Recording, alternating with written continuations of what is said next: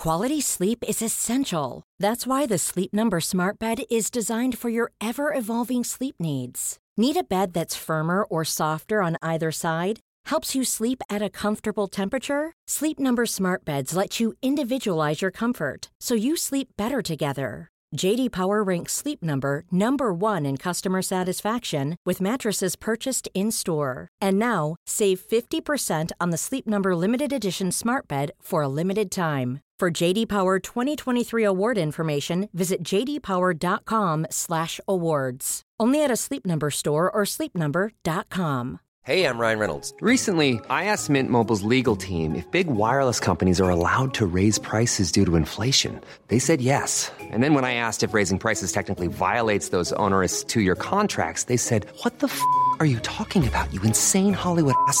So to recap, we're cutting the price of Mint Unlimited from $30 a month to just $15 a month. Give it a try at mintmobile.com slash switch. $45 upfront for three months plus taxes and fees. Promo rate for new customers for limited time. Unlimited more than 40 gigabytes per month. Slows. Full terms at mintmobile.com.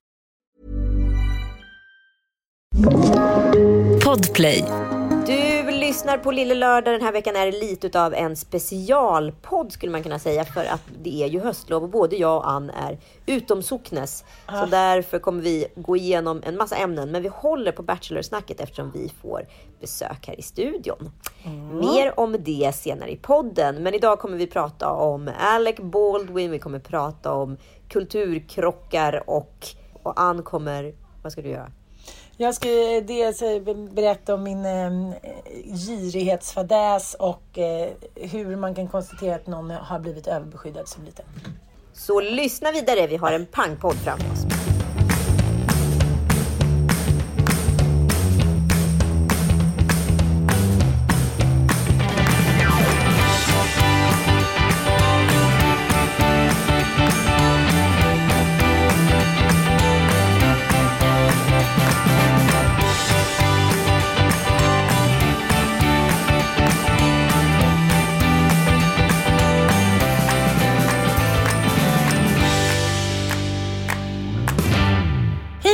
Välkomna till Lille Lördag. Vi är i olika delar av världen kan vi säga. Nu lät det väldigt exotiskt. Jag är i Idrefjäll. Lite mer norrut. Jag är i London. London. Ja, förlåt, ta om den, ta om den, ta om den. Ta om den. Okej. Jag, Jag är i... Du är på gång älskling. Ja. Jag... jag är i Idrefjället. Eh, långt norrut. Och var är du Smulan?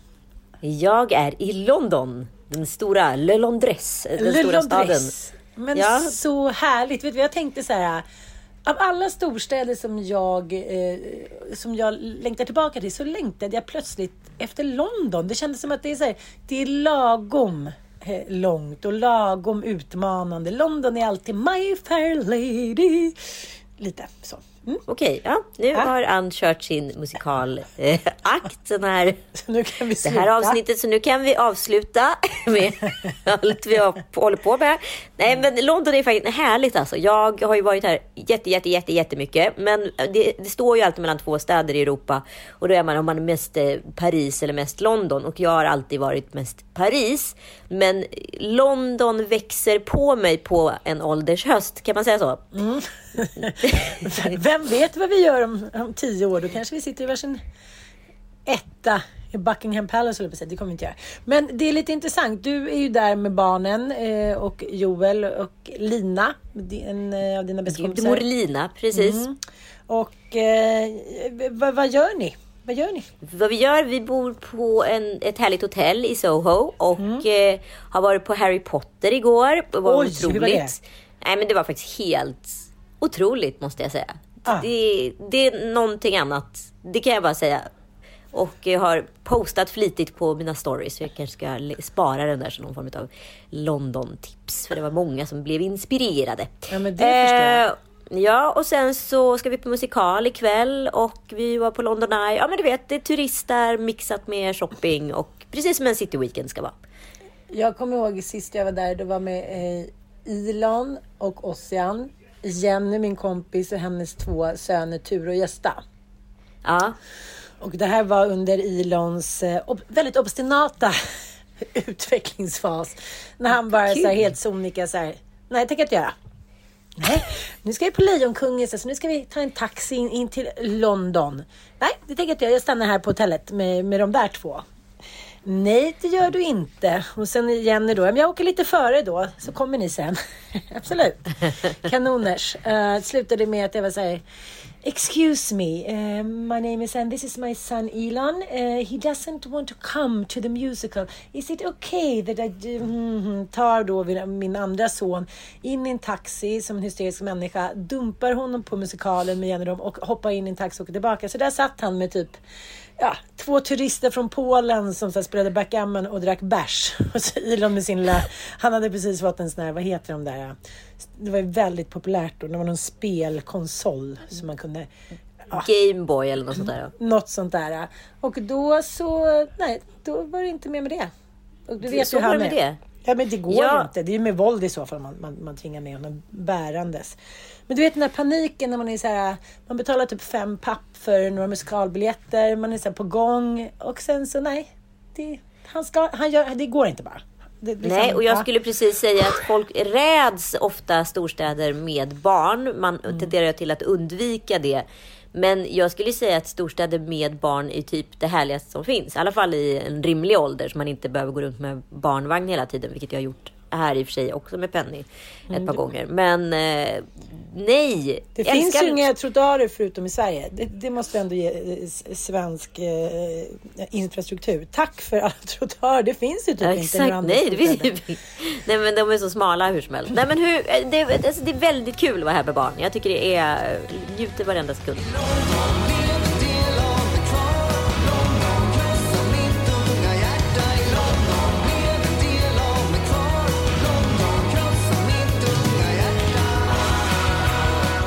Jag har hört det så här glad i hågen så jag såg dig på en eh, hotshot, och, eh, hotshot i mun, munnen och ett slag i huvudet på en bar i Halmstad.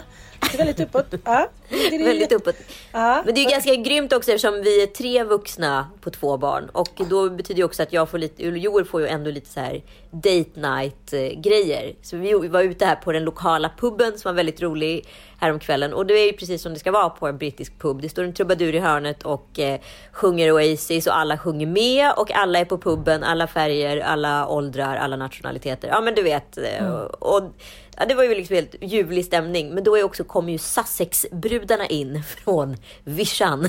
Jaha, wow. som det heter. Och de har ju liksom en liten annan kaliber än vad kanske Londonborna har. Så att helt plötsligt kom det in ett gäng, vad ska man säga, lite, lite liksom eh, stökigare tjejer de är rätt i gasen liksom, så de festar på. Jag och Joel sitter vid ett bord och en av de här tjejerna eh, ja, haffar ena hörnet på bordet och ställer sitt vinglas på, ställer sig och byter om precis framför oss.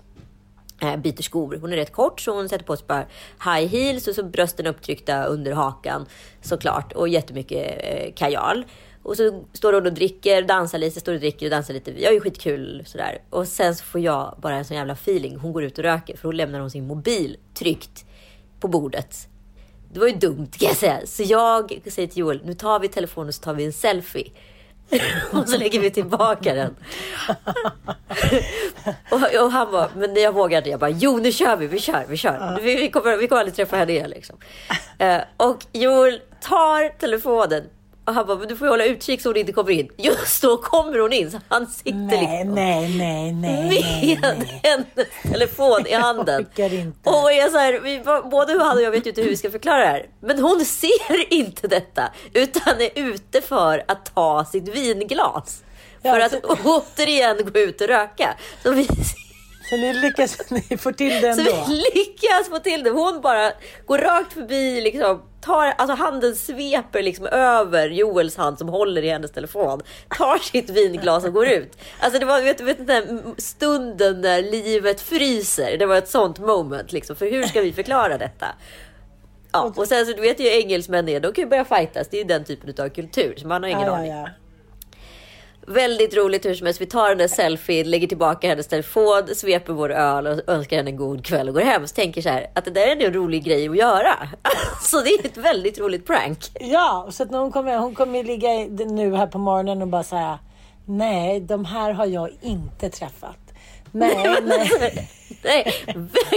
När tog jag den här bilden?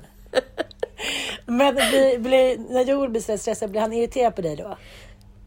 Det, det beror på stunden. Nu hade han två öl innanför västen så då hinner han inte komma upp i samma stressnivåer som man brukar komma upp i. Oftast så. Vi har ju också, vi har ju också precis konstaterat att inför resa då ska vi egentligen separera för att då är vi så vidriga mot varandra. Stresspåslaget och irritationen. Jag har gjort en hel podd om man är nu sugen på att höra hur, exakt hur irriterad jag är. På honom som heter Medvind där jag pratar om liksom inför resa och flygplatsbeteende. Eh, då är jag, är så irriterad på honom så jag kan inte förklara. Alltså han stör mig på alla sätt. Han är så passiv och jag är så progressiv. Ja men du förstår. Eller exekutiv. Ja, men han blir ju, han kommer förmodligen från en familj där liksom, han får någon så här sit, situationell ångest. Så här, ingen av dem klarar av att ta kommandot. Nej, alltså det är ju liksom, de, är, det är ju liksom, de är ju, alltså inget ont om någon i familjen. Nej. Det är ingen som, det är ingen som, eh, ingen som tar led, lid om man säger så. Det är ingen Tors hammare. Nej, det är ingen som kommer och drämmer näven i bordet och säger så här gör vi. Utan Nej. så här, de är liksom väldigt så här, försiktiga i sina beslut. Liksom. Precis. Ja, Eh, eh, ja, och då här, här, här går vi isär. För han är ju också en sån person som är så här. Jaha, varför är det ingen som har sagt det till mig? Han, han upplever att han är oinformerad istället för att ta reda på saker själv. Jag är så här, Google finns där, som jag säger till 99% av mina följare på Instagram. Det är inte så att jag så här, kommer googla åt dig, utan det får du gärna Nej. göra själv. Liksom. Ja, så vi, vi är väldigt olika. Så vi är så fruktansvärt otrevliga mot varandra inför resa så att eh, det är nästan en fars. Artat. Hur är du och Mattias? Men jag tycker att det är lite olika faktiskt. Eh, det är det att jag får för mig att jag ska göra olika liksom, rokader precis när vi ska åka. Så att jag ska känna sen när jag åker iväg. Nu skulle jag ju fixa hela tvättrummet. Jaha, du bara, får "Okej." feeling att bara göra Ja. någonting. Du har Nej liksom... men du vet så att jag, liksom, jag vill känna när jag åker iväg att jag inte kommer hem. Att jag inte är värd att åka. För att då blir det så här. Jag borde varit hemma och fixat tvättrummet som bara ser ut som en kvart. Liksom. Eh, men istället så går jag på någon halloweenfest och sen ska vi åka dagen efter. Alltså jag tycker inte så här, it ain't proper. Så då får jag för mig att jag ska åtgärda olika grejer precis innan vi ska åka. Och det kanske inte är så superpoppis. Så det slutar med att han står och så här svingar golfklubba med en osynlig boll nere på Ilons rum. Medan jag så här hysteriskt håller på med någon grej. Men eh, ja, nej men jag tycker ändå Det låter också rätt vansinnigt. Ja. Ja men det är vansinnigt. Men det är någonting som händer. Det är inte rationellt tycker jag. Liksom Nej, men varför hamnar man i de här, vad ska jag kalla för, cykloperna utav Mm. liksom temporär galenskap? För så fort vi liksom har landat på resmålet, då är det ju liksom, då är det ju honeymoon direkt. Liksom. Mm. Men i två dygn är vi liksom som pest och kolera. Ja, men det är bra att den andra åker lite före och tar in på ett hotell. Alltså, det, jag vet inte. Jag tror att det handlar om, dels handlar det säkert om förväntningar. Att man så här, undrar liksom hur det kommer bli. Och sen blir man irriterad på den andra människan. För att man så här, som du säger, varför informerade inte du mig att du inte hade packat till barnen till exempel? Du vet sånt där. Ja. Så när jag kom hit nu så hade jag med mig, jag överdriver inte, sju stickade tröjor, fem collegetröjor, inga brallor. en jättetunn dunjacka som jag tycker är för tunn att ha på sommaren hemma. Den hade, det är den som jag har med mig som jacka. Och ett par jätte jättestora skidbrallor som är så tjocka så att man, så här, man nästan måste köra sig någon form av vagn för att klara av att gå i dem. så att, jag vet inte. Det, det är väl, eh, och då är vi ändå bara två barn. Du kan ju tänka när jag har varit fem. Men på något sätt, nej men vi, jag tycker ändå, det, vi bråkar inte särskilt mycket. Det tycker jag inte. Det bara Nej. tar lite längre tid än vad det kanske borde göra. Men jag har precis konstaterat här under frukosten att man kan egentligen åka till samma ställe med Mattias varje gång. Mm, bara det finns här, ett litet badhus som man kan gå till barnen med, kanske en liten golfbana och någonstans där han kan vara. Alltså en liten lägenhet eller hus. Han är inte så intresserad av eh, de så kallade utflykterna. Eh, Jag tyckte att vi skulle åka, för i närheten här ligger ju eh, Fjätervålen och det är där eh, jag, alltså där jag är uppväxt. Där vi hade ett litet skidhus. Det är så spännande för vad man, det, vad man än pratar med dig om så är du alltid uppväxt någonstans. Och för sig sant. Inte London, inte London. Då. Nej, inte London, där är jag uppväxt. Och då tycker jag att vad mysigt. Då kan vi ta med oss lite mackor och boy och så kan vi gå upp på berget och så kan vi kolla mitt hus, liksom där jag bodde och sådär. Nej, det går inte att sälja in till honom. Nej, han är för, det är sällsynt- det är mycket svårt för honom att appellera till detta, att det skulle vara något Kan kul. det hänga ihop med hans höjdrädsla? Just det, jag hade inte ens tänkt på. Gud, jag är så korkad.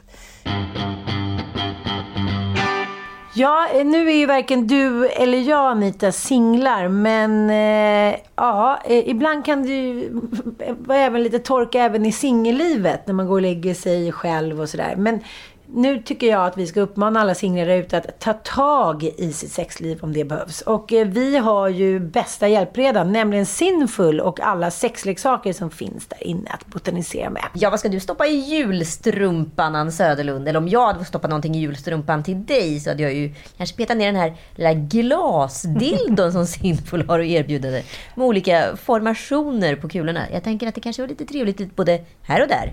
Ja, precis. Eh, Du kan... eh, Är det något man kan stoppa i kylen kanske? Ja, ja, de här kanske man kan när- hemma när svärföräldrarna kommer också. Det ser lite ut som en, en glasskulptur. Exakt. Eh, nej, det finns ju många varianter på den här Icicles och eh, jag är ju lite inne på den här blåa glasdilden nu till ett mycket bra pris. Det är lite nedsatt. Det finns också en glasdildo som är gjord av ett hjärta. Här kan man också tänka lite om man nu vill ha Eh, så kallat eh, såna här små spel då. Ehm, så kan man ju låtsas att man är tillbaka i grottan och har hämtat en istapp.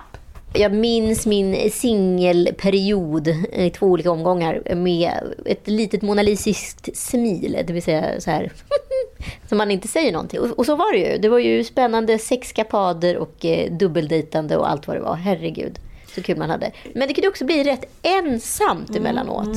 Men jag tänker också att eh, när man har en kille eller lite killar lite då och då så måste man liksom lära upp dem lite. Det kan ju ta både en timme och tio år. Men med Sinfuls leksaker så kan man ju ta reda på sin egen njutning och man vet ju faktiskt att själv är bäste dränga. Så det är det jag menar. Gå in och botanisera. Köp någon av de här fantastiska eh, sexleksakerna.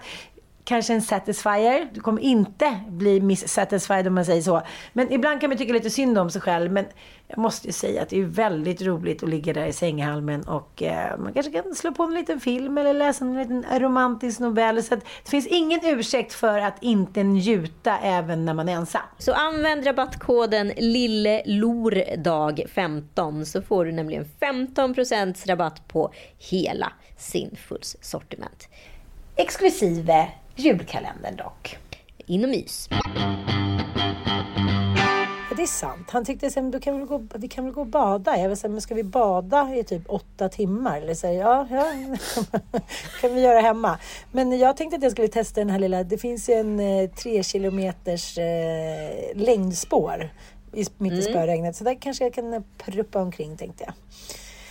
Ja, det är så roligt det här när man, eh, vi bor ju hos våra kompisar och igår då så hade vi en liten middag med några utav deras kompisar i byn då, om man ska säga två advokater och deras två döttrar. Eh, jag tycker bara att det är roligt när man så här hamnar i en konstellation som är helt oväntad med människor som lever, ja men ändå vitt skilda liv liksom. Och de här är ganska proper och hit och dit så behöver vi prata om, eh, ja, men om barndomen och liksom sådär. Och att, ja, men, hur man hade varit uppväxt. För att eh, min kompis Anna-Marie säger så att du är ju ytterlighet åt ena hållet att du är så chill. Och jag är ytterlighet åt andra hållet att jag har, liksom, vill ha som koll. För att när vi skulle gå ut och när de skulle ge ett cook and treat, då ville hon att vi skulle ha såna här gula skyddsvästar. Du vet, så här lysvästar. Jag okej, okay, eh, eh någon skolklass som ska komma? För vad jag, mig anbelangar så är vi två, två barn och ett berg. Men ja, så jag gick omkring i den gula västen. Bara så här, ja, ja. Och eh, då började vi prata om så här, vad man har för självinsikt. Den här killen då som var med, han eh, Ja, det kom väl fram lite mellan raderna att hans fru eh, då eh, ponerade att, att han var kanske ganska överbeskyddad. Men det tyckte... Ah. Ja, ja men det, det var väldigt svårt för honom att liksom... Ja, det var väl inte manligt, jag vet inte liksom. Och sen så gick det några timmar och sen skulle de gå hem då. De bodde typ ja, men 300 meter från där vi är. Och då sa han, då ska jag bara smsa pappa så kommer han och hämtar oss. kommer hans pappa in på honom i mjukisbrallor, lite så här bummer i 70-årsåldern. Så här, tjena, tjena, tjena, tjena, ja, då ska jag hämta. Så då blev de hämtade av pappan och, och eh, mamman då som Och bodde... hur gamla är de? Ja, men de var väl så här 42. Pappa var väl ja, men 67. och så sa var bor de? Ja, de bor ju två, eh, ja, 100 meter i huset nedanför oss här. Jaha, ja, okej, nej men det var, det, det, så, så garvade vi allihopa så här. Ja, men då ska jag bara smsa pappa då, för han vill ju komma och hämta. Jag bara, men du var ju inte överbeskyddad. Nej, det, ja, jag kanske har varit. Men kan vi inte bara prata lite om London? För eh, det har ju hänt väldigt mycket i, eh, men både med Brexit och Corona. De har ju varit väldigt utsatta. Ja, de har varit väldigt utsatta och det är fortfarande liksom, det, är ju, det har ju varit liksom ett skämt att åka in hit. Det har varit liksom, Ja. Först, eh, de ändrar ju reglerna exakt hela tiden och jag, de gjorde en regeluppdatering. Eh, och då skulle det helt plötsligt göra PCR-test. Så jaha, okej, så gjorde vi PCR-test och sen skulle man också då fylla i så här eh, UK Border Declaration. Och då ska man fylla i liksom hur mycket information som helst om sin inresa. Sen i den Border Declaration ska du ha ett nummer för ett förbeställt eh, liksom day 2-test. Som man ska vad heter det, ta när man är på plats här. Alltså det är ju... Ja, så då fick man boka ett test och då ska man fylla i hur mycket uppgifter som helst bara för att boka det där jävla testet. Och det testet ska då skickas till det hotellet du bor eller på ett uthämtningsställe och så vidare. Alltså jag kan säga så här, det var liksom en pappersprojektledning här så på en halv dag. bara för att ta sig in. Och sen när man väl är här så är det liksom Ja, ibland använder man mask. Vi var på Harry Potter, då var man tvungen att ha mask på hela turen, vilket kanske inte var svinnice, men det är bara att gilla läget liksom. Och eh, på vissa ställen ska man inte alls ha mask, man har liksom ingen aning om vad det är som gäller riktigt, vad det är för regler. Men utelivet är tillbaka precis som vanligt och folk kramar och hänger igen liksom. Det, man får ju också säga att så här, man förstår att England är glada just nu, för det har ju faktiskt varit varit hårt för dem. Liksom. Men å andra sidan ett luttrat land, eh, vara, vana att vara under krig så att säga. Så att eh, det var rätt land att drabba på det sättet. Ja, men det känns som att hela London har strukturerats om. Att man, folk har flyttat till utkanterna och liksom eh, flytt innerstaden. Jag läser att eh, ta områden som Mayfair och St. James som är de, det är väl typ de tj- tjusigaste områdena. Ah, ah, det finns några till, men eh, absolut, det, de är ja, bra. men typ, där, där föll priserna då med 40 procent.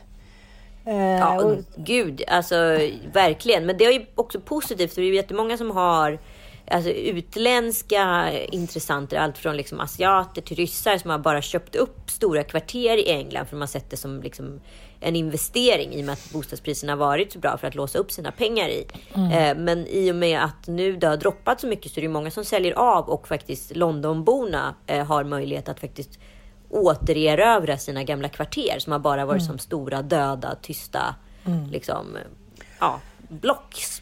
Det har ju varit ett problem här. Så att, alltså hela Brexit-grejen är ju verkligen på gott och ont. Eh, de kommer säkert få lida konsekvenser av det här, men någonting säger mig att så här, London är Lon- eller liksom England är England. De kommer fixa det här. Men, men det, liksom, det är så roligt för det verkar ha skett så mycket liksom, extremförändring. Det är så här, men, så här, vegansk mat verkar tydligen ha blivit jättestort. Så här, över men, så här, en, miljon, en halv miljon personer i Storbritannien slutade äta kött förra året. Dubbelt så många som under 2019. Folk klär sig annorlunda, trottoarerna är bredare, folk har börjat köra liksom elcyklar. Tony Blair dök tydligen upp på TV med så här långt hår. Eh, som innan pandemin hade varit liksom, ja men bara accepterat om du var en, liksom, om du är en rockstjärna. Så det verkar som att eh, allting, eh, allting har förändrats och det är ju de här kontoren liknande. Det kommer ju aldrig bli samma bild som förut. Liksom. Det är ju flera stora kedjor som har konkat och det verkar som att man har gått, liksom hela London har hippifierats lite under pandemin liksom och Brexit. Men det kan nog stämma. Ja. Ja, Jag frågade, vi och käkade frukost här precis när vi kom till eh, England, eller London, eh, ute i Hammersmith med en fantastisk eh, kvinna som heter Charlotta Ray och, eh, och hennes pojkvän Teddy som är son till, vad ska man säga, Englands Anna Wintours. Alltså mamman är då eh, che- chefredaktör för brittiska Vogue. Eh, och eh, jag frågade då rörande elsparkcyklar och cyklar om det kommer bli en Copenhagen-fiering utav England Ja, nu. ja. Eh, på grund utav att dessa fenomen har uppstått. Han säger no, it's not a city that's allowed to do go with two wheels. alltså att staden liksom inte är konstruerad eller gjord för liksom någon form av cykling. Och det har han faktiskt rätt i. Det är väldigt mycket liksom enkelriktade smala gator. Mm. Hur ska detta få plats? Eller det kommer ju behöva ta plats. Det blir spännande mm. att se vad som händer för att eh, miljön är ju ett problem just inne i England. Men apropå det så slog det mig en grej när jag var här. Teddy bor halvtid i Marrakesh som ligger utanför Agadir, eh, eller en del i Agadir, eh, och bygger ett hotell där. Och eh, han var så glad för att vara hemma. Han pendlar då och då från London till Marocko och var så här, åh, jag har längtat så mycket efter engelsk frukost. Jag behöver det salta. Mm. I, I Marocko så äter man bara söt frukost, liksom fikon och mycket liksom söta. Ja, precis, kakor. Och, mm. Det slog mig hur mycket, liksom, eh, hur mycket ens frukost eller mat generellt talar om vem du är som person och vad du lever i för, för kultur. I England mm. har ju väldigt mycket salt i maten. Det är, mm. det är saltfläsk, det är bönor, det är saltet, eh, liksom äggröra och så vidare. Eh, ölen är också rätt salt och det är mycket malt. Alltså man ser vilken typ av eh, jordbruk du har baserat på mm. och vegetation man ser dess känsla. Ja, men, mycket regn, mycket liksom, ja. mycket liksom. Jag antar att det kanske kräver att kroppen kräver lite mer salt under tiden vi är jättesalträdda i Sverige. Den brittiska pubkulturen, det motsvarar ju svenska fikat där vi är mycket mer utav en, vad ska jag säga, mjölbaserad kost. Alltså med mycket liksom bröd och vetemjöl och grödor. Kolla på tallriksmodellen, det är jättemycket bröd i den också. Mm. Och vår, istället för att vi har en pubkultur går man och tar en fikar man. Liksom. Mm, mm. Eh, och har mycket liksom mer bastant mat på det sättet. Och i Mellanöstern där man, behöver man mycket liksom socker för att klara hettan, I guess. Mm, mm, mm. Men, intressant. Men, intressant. Men jag tänker att eh, engelsmän räds ju inte salt. Det där är en av de doktriner som här, vi har vuxit upp med. Man får cancer Gud, ja. av rostat bröd som är liksom överrostat. Man typ, jag vet inte, men, chock. Du, kommer du ihåg när man var på BVC? Ja. Liksom, nu är mina äldsta barn äldre än vad dina är, men den här saltvarningen som man liksom fick med sig att oj, var det salt i maten? Man var tvungen att göra egen barnmat för tänk om det kommer salt Jag fattade aldrig vad skulle hända Åh herregud! Ja, men vadå, jag förstår inte, vad skulle hända? Skulle de få en överdos av salt och liksom kola? Eller? Saltförgiftad? Ja, Har du hört talas om det? Nej, den stora saltförgiftningen som trädde in på 1700-talets mitt. Nej, men ja, det, det, finns mycket så här rädsla för salt i vårt land, men tydligen inte för socker. Nej, ty, absolut inte för socker. Nej, men ja, alla, har, alla har vi våra utmaningar, höll jag på att säga. Ja, men det är rätt spännande att vi varit så salträdda. Jag kommer också ihåg min gamla kompis Susanna Olausson. Hennes föräldrar som var absolut rädda för salt. De åt inte äggulan i ägg för det kunde man få cancer av. Mm. Och de drack inte svart kaffe för det kunde man också få cancer av. Mm, eh, mm. Men däremot att de rökte varsina två paket Marlboro röda. Utan filter. Inomhus per dag. Det var inte något problem. Det var inte något problem alls. Det var ingenting man fick cancer av. Så om de nu mot förmodan har fått cancer på ålderns höst så var det absolut inte cigaretterna. Det var, det var, det, det var äggulan eller saltet. Men allt det där vi pratade om när man, vi åkte upp nu här till Idre så um, den vägen åkte jag själv väldigt ofta när jag var liten och eh, du vet det här tjatet, när jag är framme, när jag är framme som på allvar börjar efter 20 sekunder. Jag ja, åkt två timmar nu och man säger, vad sa du? du till slut är jag så irriterad så att jag så kommer ihåg att, att jag var exakt likadan själv. Men den lilla eh, Ja, mot den lilla skillnaden att mamma och pappa satt och rökte ut genom fönstret hela tiden. Och ju kallare det blev så ju, ju tajtare blev ju springan. Just det, såklart. Aha, ju mer rök i bilen. Ja, så det blev liksom, om ni kan se Anna-Karin framför sig. Men liksom försöka luta sig lite ut och sen så kör den där liksom gamla Forden 160. Alltså det var ju så förent med livsfara. Men då berättade mannen då som vi bor hos här nu, eh, att hans, föräldrar, hans pappa rökte cigariller i bilen. Och mamma rökte då. Och du vet de här ungarna, de här tre sönerna, de spydde ju som på löpande band. Men det var ingen som tänkte att det kanske berodde på Nej, såklart inte. röken. Utan ja, de är, de är åksjuka pojkarna. Men när de åkte med någon annan som inte rökte så var det ju där inga problem. Liksom. Orsak och verkan verkar inte ha varit så otroligt viktigt för 70 80-talets liksom, föräldrar. Utan de körde Nej, sin nej, nej. grej, sina behov. Eh, och sen mycket väldigt behovsstyrt utifrån, ja alltså verkligen. Och det, är, det finns, den typen av föräldraskap finns ju fortfarande där barnen får haka på. Och Ja. liksom i föräldrarnas liv snarare än att man gör saker för barnen. Jag, är- jag är ju väldigt anti det för att jag hade ju själv lite utav den, det livet när jag var liten.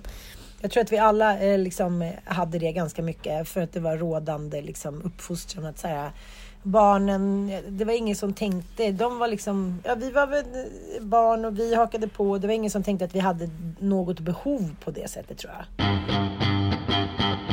Nej, men jag pratade med en kompis häromdagen som är liksom lite yngre än mig men var så här, allting ska hända i livet mellan 30 och 40. Den här självförverkligande eran. Där man liksom tänker att allting kommer ske mellan de här åren och om det inte gör det mellan de här åren då, då kommer ingenting bli bra i livet. Jag vet inte vad man lever efter för devis, för jag levde ju själv i den devisen och jag förstod in, nu i efterhand med lite titt i backspegeln så tänkte jag så här, varför hade jag så bråttom för? Kan jag tänka. Och det är ju det man vill säga till kompisar i, i motsvarande ålder. För ja, det, det ska tokjobbas, det ska skaffas barn och så vidare och så vidare och så vidare. och Flyttas, renoveras, Det ska flyttas, det ska resas. renoveras. Exakt, här, men vad, och man ser att det här, det här paret liksom på avstånd, det, det kommer inte bli bra. Och de här barnen som är på väg, liksom, det kommer inte liksom, rädda någon relation. Man trodde ju många gånger att man skulle då förändras som människa bara för att man skaffade barn. Att så fort jag får barn så kommer jag bli en annan. Då kommer jag sluta med att gå ut så mycket. Jag kommer sluta med att jobba så mycket och så vidare. Och man tänker att det där barnet kommer förändra mig som person. Jag tycker det är den största liksom, livslögnen någonsin. Ja, det förändrar ju en på kort sikt eftersom man helt enkelt inte orkar på grund av ren nedbrytning eh, leva samma sus och dus-liv. Men så fort det där barnet liksom inte tar lika mycket kraft, då är det ju tillbaka i gamla mönster. Så de som tror att man skaffar barn för att man ska förändras som människa, de har ju, det är ju den största myten någonsin. Och jag förstår inte varför den fortfarande proklameras som att det är någonting som är vedertaget. Så jävla intressant att du säger det. Jag eh, hade ju tenta på min eh, terapeututbildning här förra veckan. Och läste ju de här gamla, jag menar gamla, de är ju fantastiska, men eh, läkarna och psykologerna som har men, forskat och kommit med olika teorier om anknytningsteorin och ja, men, bindningsteorier. Ja, du vet allt sånt där. Och då var det liksom, eh, ja, men, när man gick in i olika segment då av sin ålder så var det ja, men, de olika faserna då. Jung pratade om orala fasen och liknande. Och så eh, tror jag att det var Bowley som skrev då om människans faser och då stod det så här från 50 till döden då, ålderdom. Och jag bara så här, Va? Ja men då var det så här, men då, jag menar, eftersom man blev ju mellan 50 och 60 för liksom 50 år Ja, ja, sedan. ja. Så var ju från 50, då skulle man ju så här, titta tillbaka på sitt liv och rannsakan och försöka så här, komma till... Man ska skriva sina memoarer. Precis, jag var så här, du vet jag blev så stressad så jag sa till vår lärare, jag var så här, det står 50 här, det, det kan väl inte stämma längre liksom. Det vill säga, vadå, ålderdom? Hon bara, nej, nej men det är klart det inte gör, men det här är ju kvar från deras tid. Jag var så här, det var sån skräck. Jag var så här, jaha, men, men, men nu går jag in i ålderdomen. Jag tänkte så här, för då stod det att med, medelåldern var mellan 30 och 40. Jag var så här, vad fan händer? Men det här är ju bara 50 år tillbaka så var det ju faktiskt att medelåldern var mellan 30 och 40. För då hade man fått barn och då liksom eh, jobbade man och hit och dit och då skulle man säga jag tänker lite på sina egna behov eftersom barnen hade liksom blivit större och sådär. Så att allting är ju framflyttat. Men då blev det också att det var några, vi var på middag hos några och sa, gud vad de är trygga och, och lugna, Bobo och Frasse. De går och lägger sig och sover, de är hit och dit och de klappar stora hundar och hit och dit. Och så tänker jag så här, ja men det är ju för att deras tre äldre bröder har fått ta hela det där riset som du pratar om, som man tror ska utveckla det, som man tror ska vara bra för barnen. Nu ska jag flytta, Ja, ja, nu ska vi resa, nu ska vi renovera. Nej, det här var inte bra, vi måste ha ett sommarställe också. Nej förresten, det här sommarstället eh, var man tvungen att ta båt till, men ingen av oss kan köra båt. Okej, men då får vi sälja det. Du vet att det bara så här pågår, man är inne i en manisk fas som fan pågår i åratal. Och som inte leder till något annat än typ skilsmässa och dåligt mående. Förlåt, men är det lustigt? Nej, och eh, eh, jag tror vi, både du och jag verkligen hade några år av det där att man säger det gick liksom inte riktigt att varva ner på något sätt. Nej men det var som att när man väl hade kommit upp i, i de där, då kunde man liksom inte sluta. Alltså det nu känner jag liksom att det är mycket enklare för mig att så här, sortera i livet. Alltså så här, vad är relevant, vad är viktigt och så vidare. Vad, hur, mycket, hur mycket av det här är en uppstressning? Hur mycket är bara liksom rädslor? Vad är det för någonting? Varför måste allting ske? Alltså det är jävligt skönt att bli, vara äldre tycker jag. Men jag tänker att man kan ju vara utsatt i olika situationer. Jag tror att vi jagade någonting eh, men, någon karriär, någon liksom, eh, inte berömmelse, men något erkännande och liknande. Jag tänker om till exempel någon som Bianca Ingrosso eller Avicii eller Inar Einar i det här fallet som vi också har pratat mycket om. Som eh, blir ansvariga, om vi, de blir ansvariga för hela, hela, hela deras verk, både personligen och liksom, vad ska jag säga, professionellt. Och det, det tycker jag verkar vara alltså, sån jävla påfrestning. Jag tänker nu på Biancas liksom, utsatthet med den här eh, kalendern. Att så nej, det finns ingen annan som får bära hundhuvudet. Det finns ingen liksom... Ja, men det är samma sak gäller i och för sig Blondinbella. Att man, man är så mycket man är så mycket sin profession. Det finns liksom inte längre någon skillnad mellan det privata och arbetet. Utan jag tänker så här att det som skulle varit bäst nu i det här fallet då med den här julkalendern som alla är så missnöjda med. Så hon har fått liksom stå ut med mordhot och hat. Så att liksom det finns ingen paritet. Det är ju att så här, okej, okay, nu går vi in i företaget, vi krishanterar, någon annan går ut och bär hundhuvudet. Och svarar. Ja, någon som är vuxen och som tar hand om ekonomin liknande. Det är liksom inte hållbart att unga människor ska få så här, ta det här ansvaret för sina, för sina produkter. Det kommer liksom inte hålla. De kommer inte klara av det psykiskt. Det kommer sluta med katastrof. Liksom. Det kommer sluta med katastrof. Och det är lite som, precis som det blev med Avicii, är ju, Bianca är ju liksom där och nosar i det landskapet. För är en person helt plötsligt så laddad med pengar, vad allt hon tar i blir till guld. Och det betyder ja. att andra människor också kan tjäna pengar på henne och hon är varumärket. Hon har ju liksom upphört kan man säga som person. Hon är varumärket. Nej, men då kommer de här sidorna fram hos människor som är rätt farliga för att alla vi är styrda av pengar. Nej, men när, pengar när pengar kommer in i bilden så tar det makten över våra sinnen. Eh, och det är ju det som sker liksom när en person som har, sitter på sådana otroliga värden som Bianca Ingrosso då kan inte folk liksom stoppa det här skenande tåget. Och det tåget kan bara sluta på ett sätt och det kommer sluta i katastrof. Det, det vet vi liksom. Och eh, vem kan vara vuxen nog att säga stopp? Mm. Det kan man ju verkligen undra. För att hon är inte varumärket Kaja. Kaja är ett eget varumärke. Det var ju mm. det som var det, bra, det som var bra med Kaja från början. Det var ju att Bianca skulle bara vara Kaja i Sverige. Sen skulle man göra den här resan med någon annan, exempelvis i Asien och någon annan i England och så vidare. Men sen har då Kaja byggts ihop med Bianca. Vilket mm. absolut inte skulle göra, för det var ju det som var så sårbart när det kom till Lövengrip. Mm. Eh, att hon var sitt eget varumärke och till slut slutar hon upphöra som person och blir ett varumärke. Och det mm. varumärket måste laddas med ett spännande liv. Och så kommer en dag när man inte kan ladda det här spännande livet för att personen i fråga inte orkar med. Då kommer det komma med konsekvens. Och i Isabellas fall så överlevde hon ju med nöd och näppe. Men liksom, ja, vi får hoppas att det går bra. Och att det finns vuxna som kan sätta stopp. Det är som du säger, man ska inte underskatta det där att vad pengar gör med en. Det märker man ju ofta vid så här, men arvsskiften och så här, att syskon och liknande. Helt plötsligt från att ha varit så här, älskat varandra, varit världens bästa kompisar och alltid funnits där. Så kan det bli bråk om någon jävla ring eller hit och dit. Och eh, man pratar inte med varandra på typ tio år.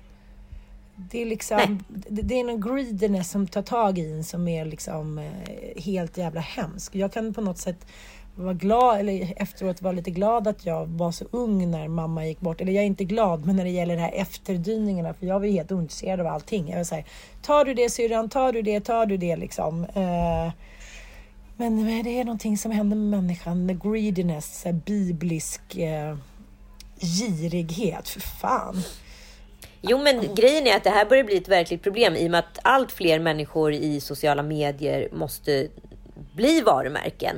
Och Mm. när varumärket då tar över ens liv, då kommer det med andra människor. Men Charlie D'Amelio är ju en typexempel. Hennes syrra som mår jättedåligt och inte alls tycker om det här och föräldrarna som liksom sitter bredvid och försöker ha liksom terapisamtal med eh, systern och säger att alla är dumma och behöver inte bry sig om det. Det är bara att kämpa på liksom.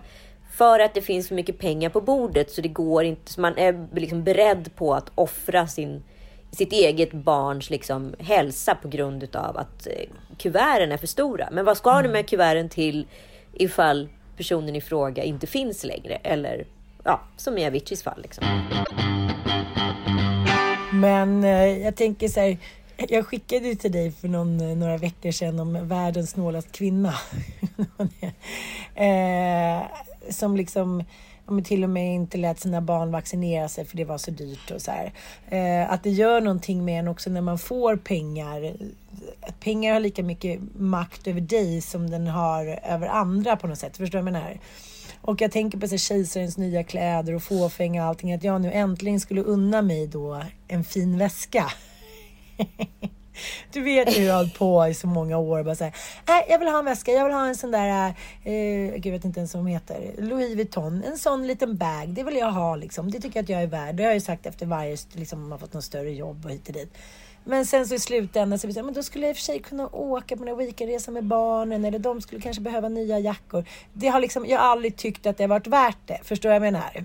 I Nej. paritet till vad man får istället. Så jag har ju lånat väska av dig eller någon kompis någon gång. Det, är ju, äh, det har bara liksom inte blivit av. Men så jag tänkte jag vill ha en fin väska, sen är jag nöjd. Sen kan jag dö lycklig. Men, du förstår lite vad jag menar. Ja, ja, ja. Och sen för några nätter sen här, så, några veckor sedan så låg jag ju då jag höll på att tryckte på den här Minto då som jag hade fått tips om av min syrra. Jag skulle gå in på Minto. Åh, det är så mycket vackra väskor. Åh, jag blir så tokig i det där. Och det var såna hit och dit. Och det var Chanel och, det hit, och allt var så dyrt. Men så hittade jag en liten väska ändå som jag tyckte så här.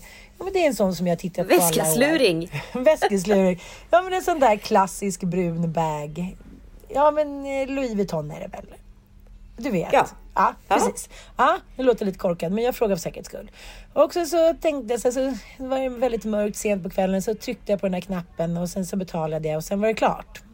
Kände mig otroligt busig och liksom, ja, det var, ja, jag skämdes lite faktiskt helt ärligt, ärligt sådär. Men till slut kom den och jag sa till mig, att jag köpte en väska. Så, ja, men det var väl fint att du unnar dig det till slut och sådär.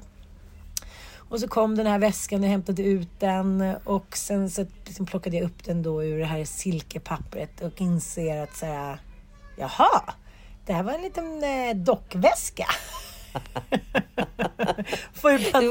Vi hade ingenting när det kom till priset och så vidare som fick dig att reagera. Du Nej, tänkte bara att du gjorde ett fynd. Jag tänkte så att det där det, det låter väl troligt för en liksom sån väska tyckte jag. Jag har väl ingen aning liksom. Du vet ju hur ja, men, eh, jag vet ju att jag har liksom ingen koll heller på modellen. Ja, men, men då hade ju Sanna koll på liksom vad den hette och även Gigi och så här. Men, men eh, ingen hade någonsin sett den här storleken.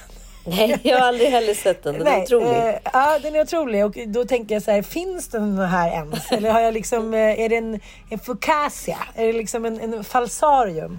Men så började jag känna att jag skulle byta den där och så tänkte jag nej, you greedy motherfucker. Du ska gå omkring med den där. Du ska känna så här, du blev greedy. Du ville ha någonting som liksom du egentligen inte hade behov av. Så nu får du gå omkring med den här som datorn sticker ut och, och då, ja, så nu har jag kvar den.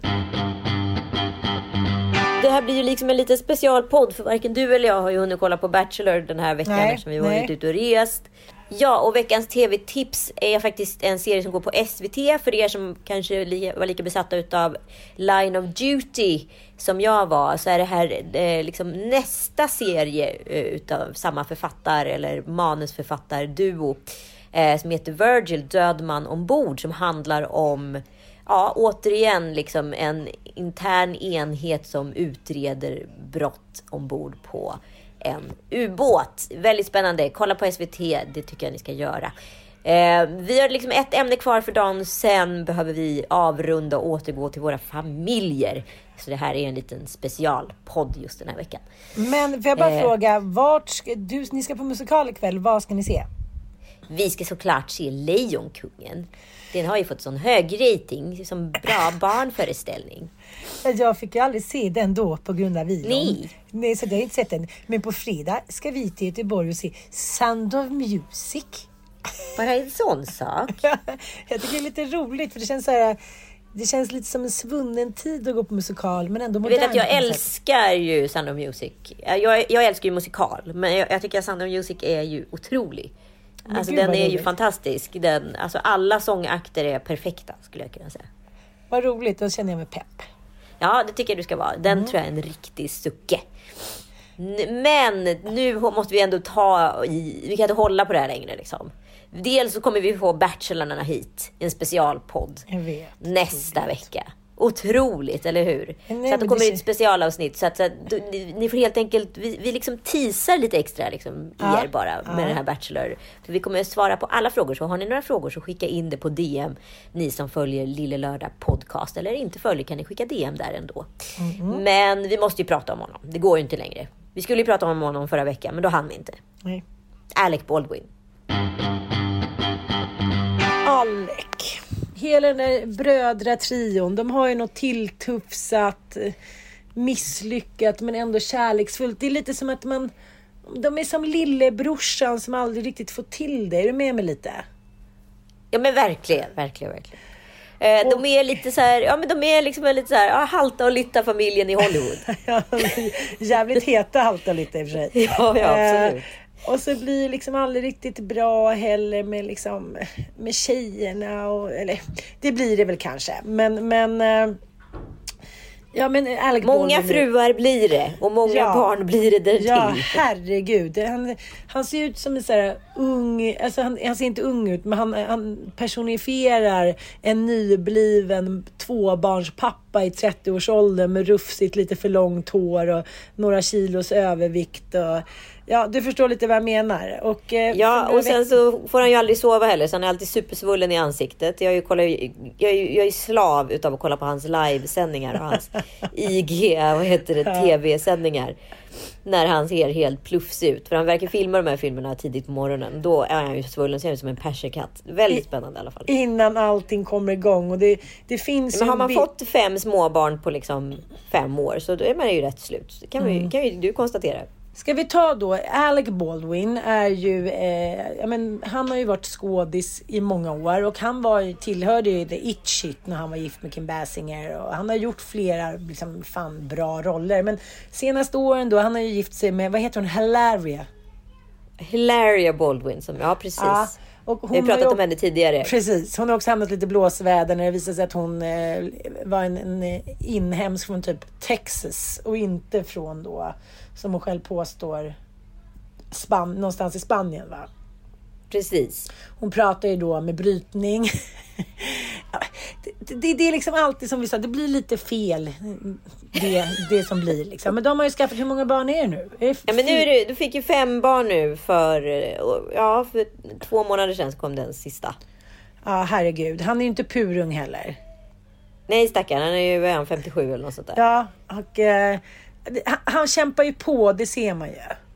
Ja gud ja. Men Ja. Det, det, det är klart att så här, har man fått fem barn på så kort tid, det är klart att det inte blir speciellt mycket sömn. Nej, oavsett om man har precis. nannies eller inte liksom. Ja, men han är ju lite så här, det känns inte riktigt som att han har följt med den moderna mannens utveckling. Jag kommer ihåg han pratade med Jerry Seinfeld. Han beklagade sig över att det går knappt att prata med kvinnor efter metoo. och Så här, han har ju slagit ner paparazzis. Han verkar gå väldigt mycket på affekt och känsla. Men han verkar, och ändå gillar man honom för det verkar finnas något så här kärleksfullt och eh, ja, men tillgivet hos honom. Han verkar vara liksom en stor nallebjörnsblob med lite problem med humöret sådär. Ja, hur som helst. eh, Låter ju som du. Ja, ja, jag, jag, jag, jag säger det. Han är jag, jag är han. Men den här tragedin då som skedde under inspelningen av den här, vad ska man säga, lågbudget cowboyfilmen som han verkar ha någon förkärlek för. Nej men man måste ju nästan se den här eh, filmen för man, man tänker så här, "Ho- hoppas det var värt det liksom. Men det, det, kommer det ens bli någon film? Oklart. Ja.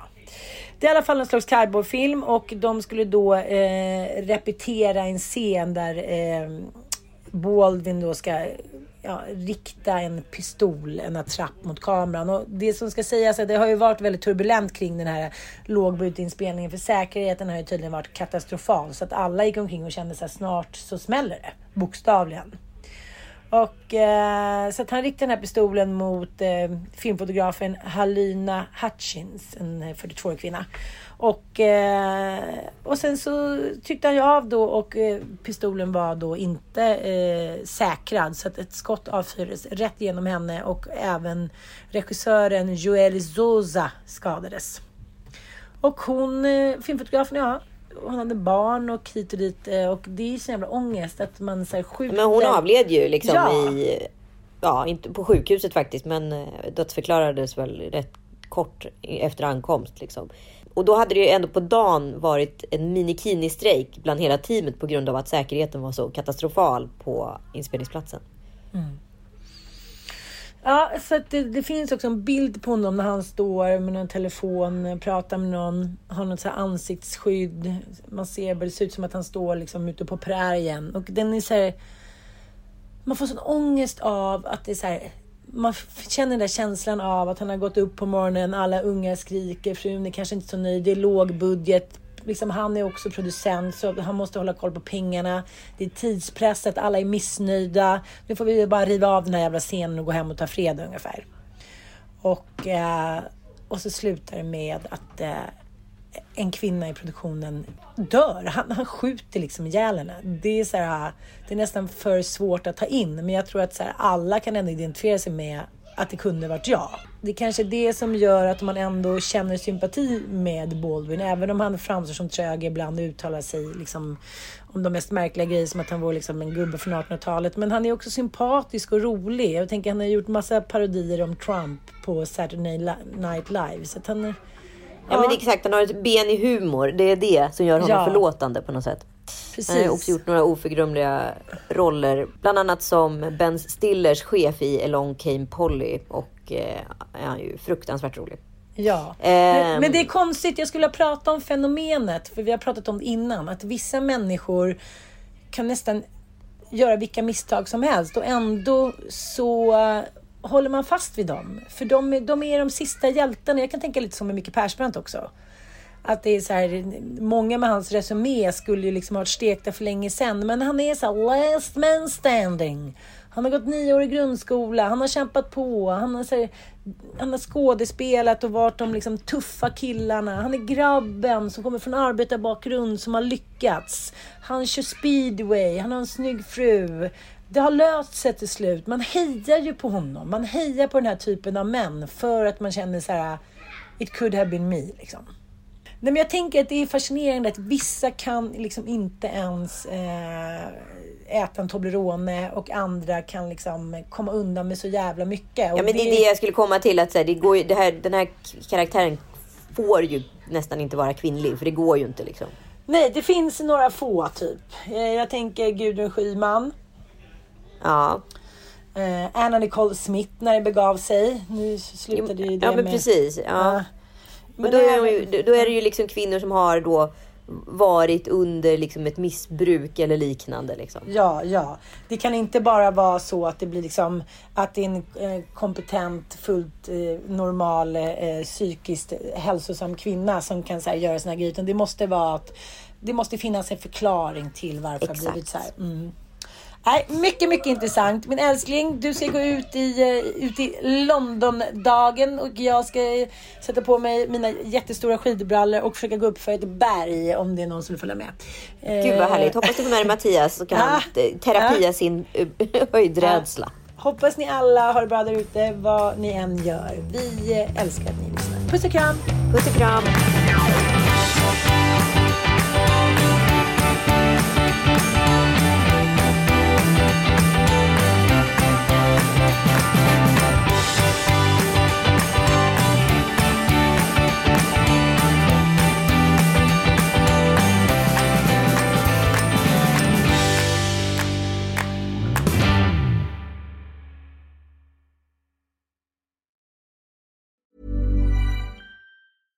Hey, it's Paige DeSorbo from Giggly Squad. High quality fashion without the price tag. Say hello to Quince. I'm snagging high-end essentials like cozy cashmere sweaters, sleek leather jackets, fine jewelry, and so much more. With Quince being 50 to 80% less than similar brands. And they partner with factories that prioritize safe, ethical, and responsible manufacturing. I love that. Luxury quality within reach. Go to quince.com slash style to get free shipping and 365 day returns on your next order. Quince.com slash style. Imagine the softest sheets you've ever felt. Now imagine them getting even softer over time. That's what you'll feel with Bowl and Branch's organic cotton sheets. In a recent customer survey, 96% replied that Bowl and Branch sheets get softer with every wash. Start getting your best night's sleep in these sheets that get softer and softer for years to come. Try their sheets with a 30-night guarantee. Plus, get 15% off your first order at bowlandbranch.com. Code BUTTERY. Exclusions apply. See site for details.